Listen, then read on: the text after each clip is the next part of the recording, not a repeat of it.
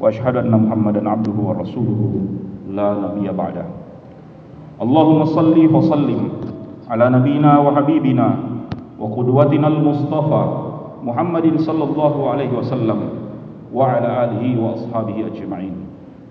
أما بعد يا أيها الذين آمنوا اتقوا الله حق تقاته ولا تموتن إلا وأنتم مسلمون.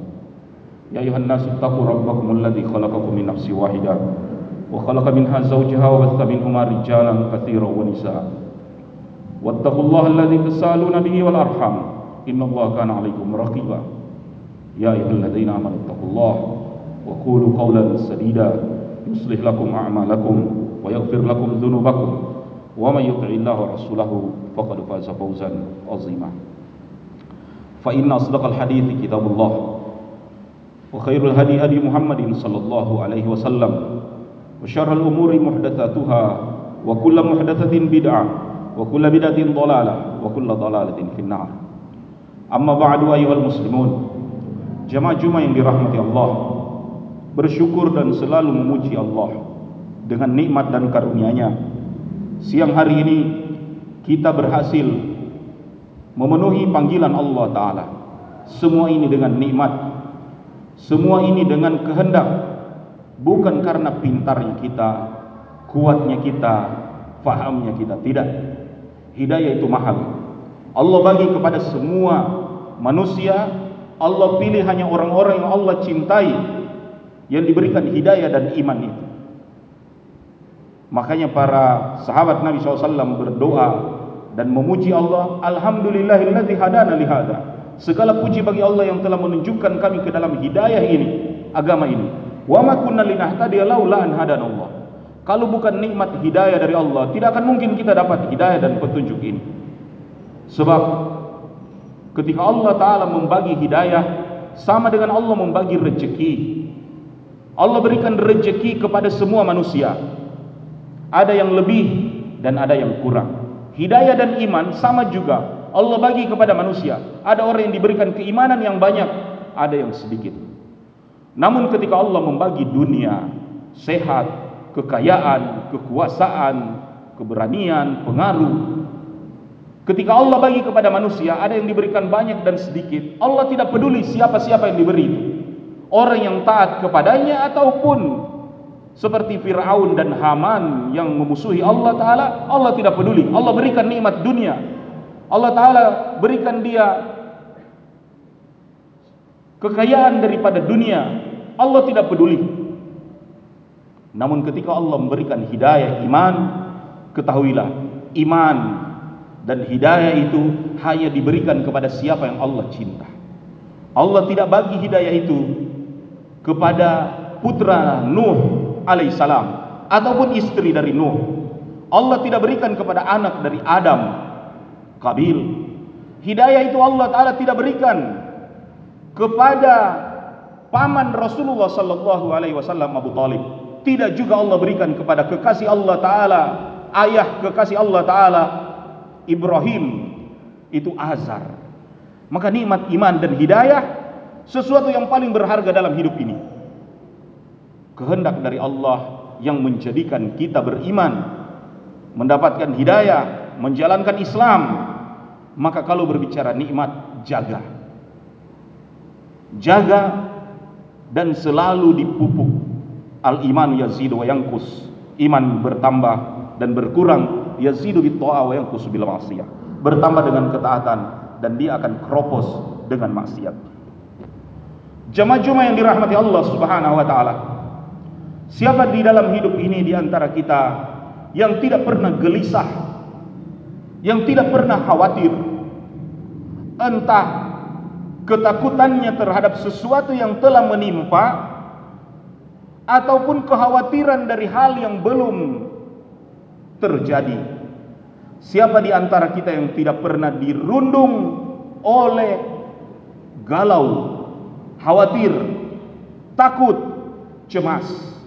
Entah nikmat yang kita cemaskan belum kita dapatkan atau bahaya yang kita khawatirkan atau telah mengena dalam kehidupan ini. Dan kita ingin cepat-cepat tenang, lepas berakhir semua kesedihan itu yang mengganggu nyenyak dari tidur kita yang telah menguras pikiran kita maka kita perlu cara supaya lepas dari belenggu kecemasan kegalauan kekhawatiran apatah lagi hari ini kita selalu dicemaskan dengan corona bahaya kematian, resesi, PHK dan banyak lagi dan banyak lagi. Jamaah dirahmati Allah Subhanahu wa taala. Ada tiga hal yang perlu kita lakukan untuk lepas dari kecemasan. Yang pertama, serahkan tawakal kepada Allah Subhanahu wa taala dari apa yang kita cemaskan itu. Entah keberhasilan yang masih kita tunggu-tunggu atau kekhawatiran bahaya yang kita takutkan menimpa. Serahkan saja kepada Allah Subhanahu wa taala. Jangan jadikan dia bahan renungan dan pikiran yang selalu menjadi tanggungan ke mana kita bawa-bawa. Sudah tinggalkan saja.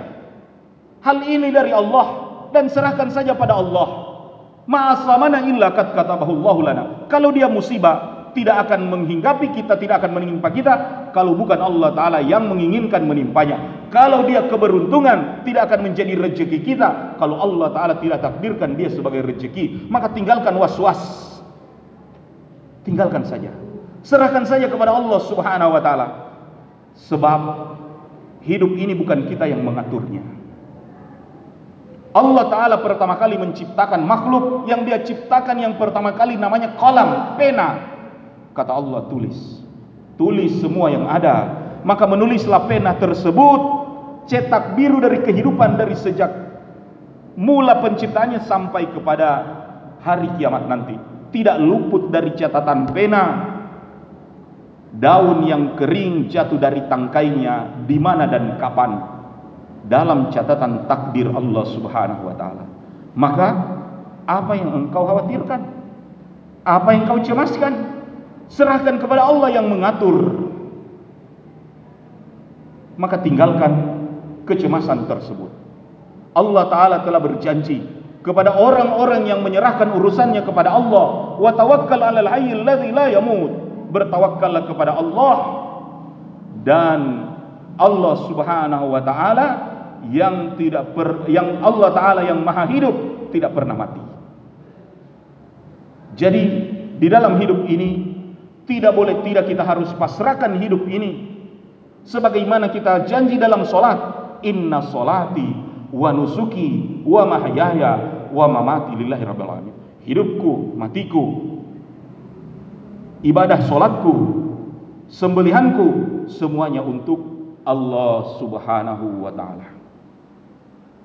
Orang akan bertanya, Ustaz, kan biar juga tidak tawakal dan pasrah, tetap urusan itu akan kita cari ataupun uh, akan bisa selesai dengan resep yang kedua yaitu ketika menyelesaikan kecemasan dan kegundahan carilah sebab-sebab menghilangkan kegundahan itu bila mana dia keberhasilan yang ditunggu-tunggu carilah sebab-sebab keberhasilan itu bila mana dia ketakutan penyakit carilah obat untuk mengobati itu orang akan protes Ustaz kan tetap juga minum obat hilang kecemasan dan apa yang kita khawatirkan. Tidak saudara. Penyakit yang sedang kita khawatirkan marah bahaya itu mungkin dengan pil ataupun antibodi ataupun dengan imunitas hilang ya tapi itu semua sebab musababnya adalah Allah Subhanahu wa taala bisa saja obat sakit kepala diminum oleh orang yang sama ada yang sembuh dan ada yang tidak. Sebab penentu kesembuhannya itu adalah Allah. Yang kedua, ketika engkau tidak pasrahkan urusanmu kepada Allah, tidak engkau tawakal, maka urusan ini menjadi urusan dirimu sendiri. Ke mana-mana engkau bawa, pergi tidur engkau bawa urusannya, engkau pergi kerja engkau bawa urusannya, engkau bangun tidur engkau juga mulai pikul persoalannya. Beda ketika urusan ini engkau serahkan kepada Allah maka setiap kali engkau berhadapan dengan urusan, engkau merasa diberi amanah oleh Allah untuk memikulnya dan menghadapinya. dan orang mengatakan beban pikiran lebih berat dari beban fisik. Lihatlah orang-orang yang memikul beban fisik. Kuli yang memanggul barang begitu berat. Namun dia bisa tertidur pulas sesudah makan, sesudah tertidur, istirahatnya pulas sampai dia bermimpi indah.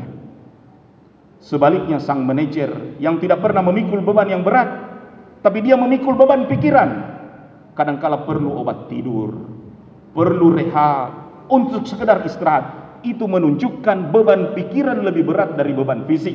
Maka beban pikiran kecemasan, da'il qalaq, tinggalkan semua itu. Tawakal kepada Allah Subhanahu wa taala. Namun jemaah sekalian dirahmati Allah taala, tinggi dan rendahnya tawakal ini menghinggapi orang-orang sehingga ada pertanyaan Ustaz, saya sudah tawakal kepada Allah taala, namun urusan saya belum juga menemui titik terang. Saya sudah tawakal kepada Allah, tapi mengapa kecemasan ini masih tetap mengganggu? Mudah-mudahan kita bisa jawab dalam khutbah yang kedua. Aku lu qali hadza astaghfiruhu innahu al ghafur rahim.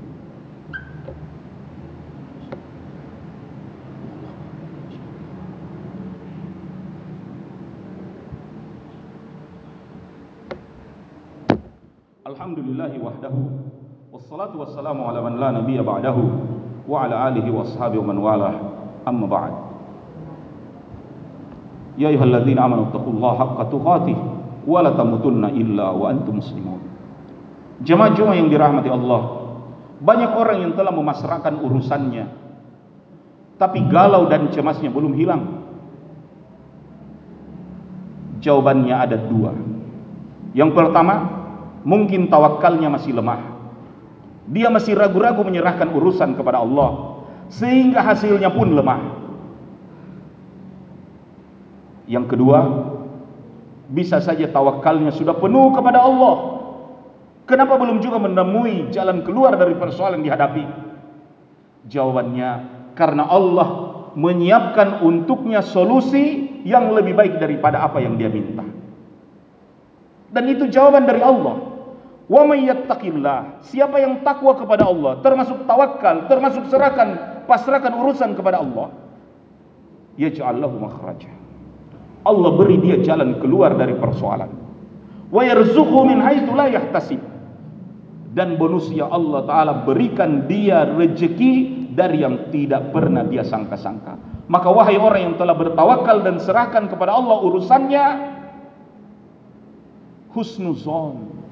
Berbaik sangka kepada Allah dia akan menolong Kata Rasulullah SAW, doa itu akan dijawab selama seorang belum berkata, saya sudah berdoa, tapi belum dijawab.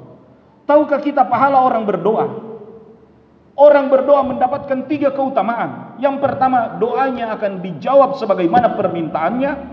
Yang kedua, doa itu akan diganti dengan yang lebih baik dari apa yang dia minta. Mungkin dia berdoa waktu sekolah minta sepeda, sampai selesai sekolah, selesai kuliah di pernah sepeda, tapi Allah ganti dengan mobil dan motor. Ketika teman-teman yang naik sepeda dulunya belum ada mobil dan motor. Ini sebagai contoh Allah akan ganti yang lebih baik daripada apa yang diminta. Dan yang ketiga keutamaan dari orang yang berdoa, kalau bukan diberi langsung, diberi yang lebih baik.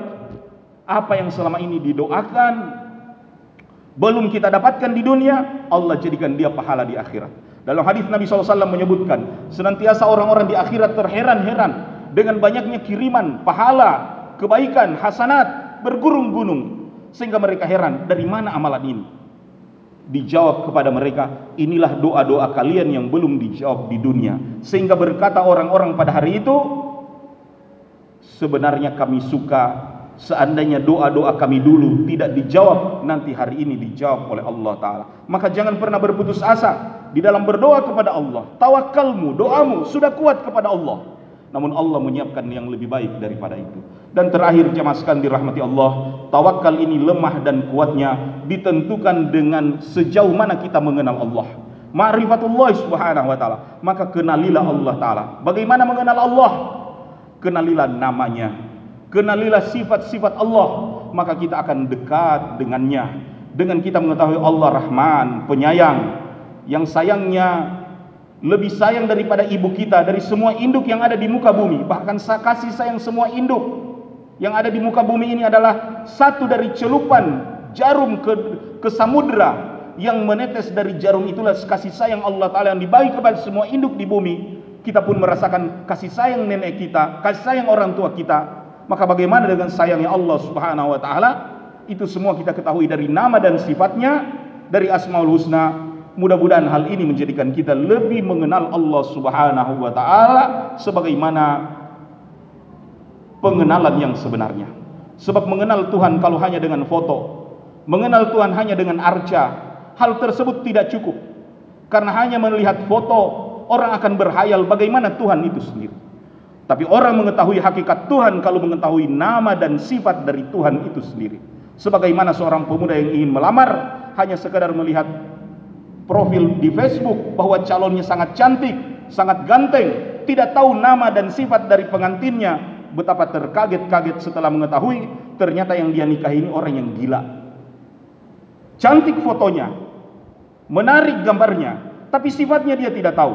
Nanti belakangan dia akan tahu bagaimana seorang mengenal Allah Subhanahu wa taala tidak cukup dengan gambar, tidak cukup dengan profil, tapi ketahui Allah dari nama, sifatnya. Bukankah hari ini kita marah terhadap Abu Jahal, benci terhadap Firaun? Pernahkah kita ketemu Firaun? Pernahkah kita melihat foto Firaun dan Abu Jahal? Tidak pernah melihat wajahnya, tidak pernah mendengar, mendengar suaranya. Dari mana kebencian itu datang? dari sifat yang selama ini kita pelajari. Maka kita akan cinta Allah kalau kita mengenali dan menyelami sifat-sifat Allah Subhanahu wa taala. Aqulu qawli hadza astaghfiruhu innahu wal ghafurur rahim. Inna Allah malaikatahu yusalluna 'alan nabi ya ayyuhalladzina amanu sallu 'alaihi wa sallimu taslima. Allahumma salli wa sallim ala nabiyyina Muhammadin wa ala ali Muhammad kama sallaita ala Ibrahim wa ala ali Ibrahim wa barik ala Muhammadin wa ala